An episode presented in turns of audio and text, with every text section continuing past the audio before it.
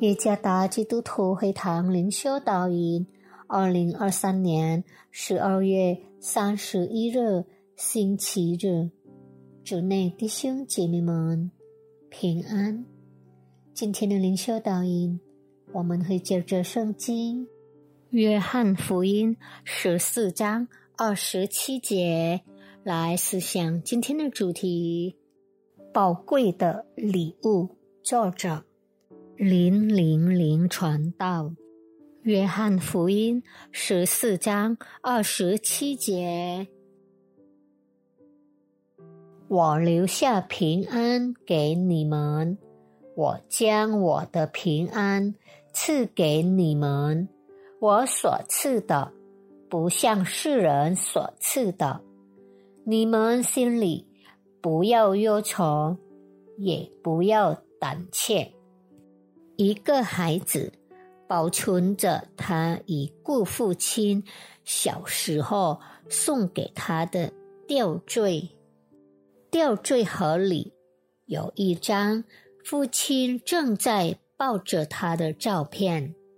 他想起了已故父亲的话：“儿子，当你害怕和担心的时候，看看这张照片。”这孩子至今仍时常看着这张照片，回忆起与已故父亲亲近时的平静与安宁。对他来说，这吊坠是一件很有价值的礼物，因为很多因素甚至超过了。吊坠本身的价值。当基督在被抓之前对门徒说话时，也发生了类似的事情。神应许给予门徒留下与世界不同的平安。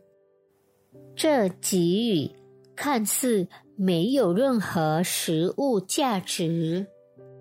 怎么能衡量平安的价值呢？然而，当基督复活并升天时，基督的这个信息被使徒们记住了。那些最初害怕、逃跑、否认的人，当他们看到复活的基督时，就完全改变了。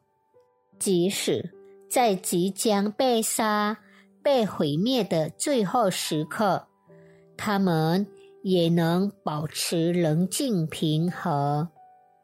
他们记住了那天晚上所说的话，他们记住了复活的基督，而感受到极大的平安。